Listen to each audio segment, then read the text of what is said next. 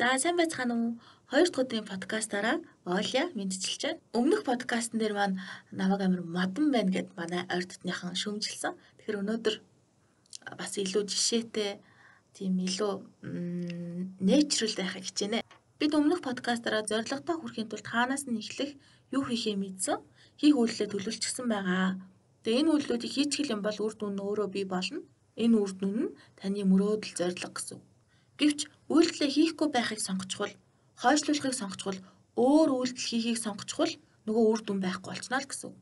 Ерөөсөө та өөрийгөө өөрийнхөө сонголтуудын бүтээгдэхүүн гэж харах хэрэгтэй.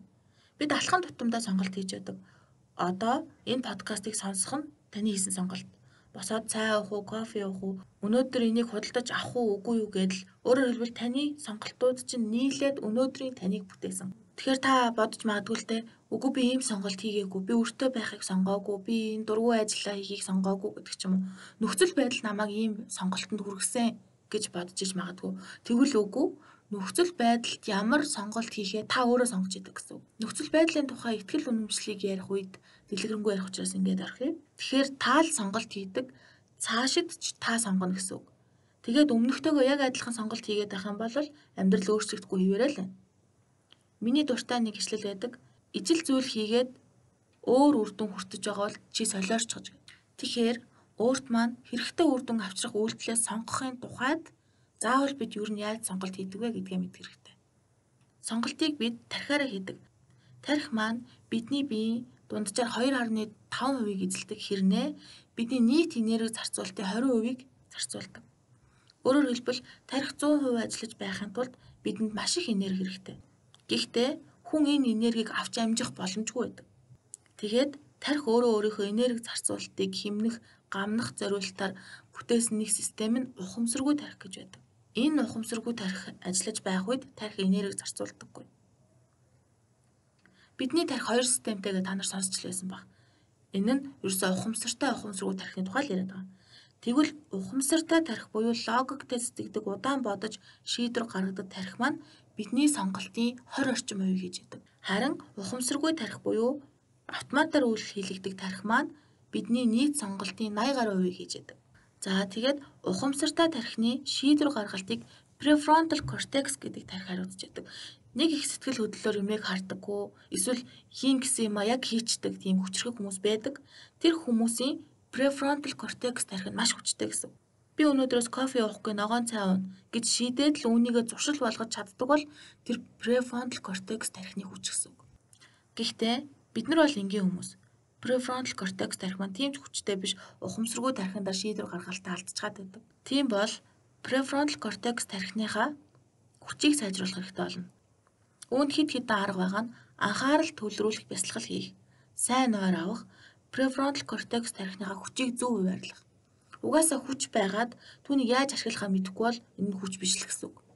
Зөв хуваарлахын тухайд та юу мэдэх хэрэгтэй вэ гэвэл энэ префронтал кортекс тархины хүч нь өөрөө нэмэгдэж хасагдаж байдаг чанартай. Бясалгалаа хийгээд нойроосоо аваад яваад байл нэмэгдээд санаа зовох, айх, сонголт хийх шийдвэр гаргах үеүүдэд хасагтаад байдаг гэсэн. Тэгвэл хүчийг нь гамнахын тулд зөвхөн чухал шийдвэр гаргах үедээ л ашиглавал зохино. Үүний тулд санаа зовох, айх, гэмших гэсэн мэдрэмжүүдийг мэдрэхгүй байхыг хичээх хэрэгтэй. Үүнийд бол өөрийгөө хайрлах хэрэгтэй. Хийсэн зүйлийгээ засах боломж байгаа гэж хар. Юу ч алдаа биш гэдгийг ойлго. Өнөөдрийн таны миний подкастыг сонсод дуусаад хийх нэгдэх алхам. Би юунд санаа зовж байна вэ? Юу намайг тухгүй болгож байна? Би юунаас айж байна гэж өөрөөсөө асуугаад бүгдийг нь бичээрэй. Тэгээд эдгээрийг шийдэхийг хичээгээрэй айх мэдрэмжийн тухайд хэлэхэд айх бол маш хэрэггүй мэдрэмжтэй би ч гэсэн маш аимхаа. Тэгээд хэрвээ та танд айх мэдрэмж байвал би үүнээс айхгүй байна гэж өөртөө хэлэх хэрэгтэй. Ер нь бодол мэдрэмж болдог, мэдрэмж үйлдэл болдог, үйлдэл эргээд бодол болдог тойргийн тухай хэдүүлээ дараа дараагийн подкастаа дэлгэрэнгүй ярих учраас айх мэдрэмжээ бодлороо солих гээд хичээгээрэй гэд энд төр орхив. Prefrontal cortex тархиныхаа хүчийг 100% хуваарлахын тулд нэмээд та шаардлагагүй зүйлс дээр сонголт хийх гэж зүдрэхгүй байхыг хичээх хэрэгтэй. Үүн дээр би гоё жишээ мэднэ. Стив Джобс, Марк Зукерберг гэх мэт хүмүүс яагаад нэг төрлийн хувцас шүүгэнд нь байдаг өмсдөг вэ гэвэл тэд нөгөө prefrontal cortex тархиа гамнадаг гэсэн үг. Тэгээд чухал шийдвэр гаргах үед л ашигладаг. За таны хийх хоёр дахь алхам би ямар ямар үед бодож удаан шийдвэр гаргаж байна. Тэдгээрийгэ бичээд шийдэл олоорой. За одоо танд нэг том чухал асуулт гарч ирж байгаах. Энэ нь бидний сонголтын 80 гаруй хувийг дангаараа хийгээд байгаа ухамсаргүй тарих. Угаасаа логикоор бодсон ч 80%, 20% хоёр тулдаад 80% л дийлнэ. Тэгэхээр ухамсаргүй тархиныхаа тухай заавал мэдэж авах хэрэгтэй болж байгаа. Ухамсаргүй тархи нь дотроо хоёр хэсэгтэй. Ухамсаргүй, дэд ухамсарт гэж. Ухамсаргүй нь бидний биеийн автомат бүх зүйлийг хариуцж идэг. Бодисын солилцоо, судсаар цусгүй их гэх мэт. Тэгтээ энэ ухамсаргүй хэсэг нь бидний шийдвэр гаргахад нөлөөлдөггүй юм байна. Зөвхөн дэд ухамсарт тархил нөгөө 80% сонголтыг хийгээд байгаа. Тэгээд энэ 80% сонголтыг хийгээд байгаа дэд ухамсарт гэдэг хэсгийн сонголтыг нь санаатайгаар өөрчилж болдгийн болов гэж судлаад үзсэн чинь болдог юм байна. Бүр амар гайхалтай болдог. Өөрчилж болно.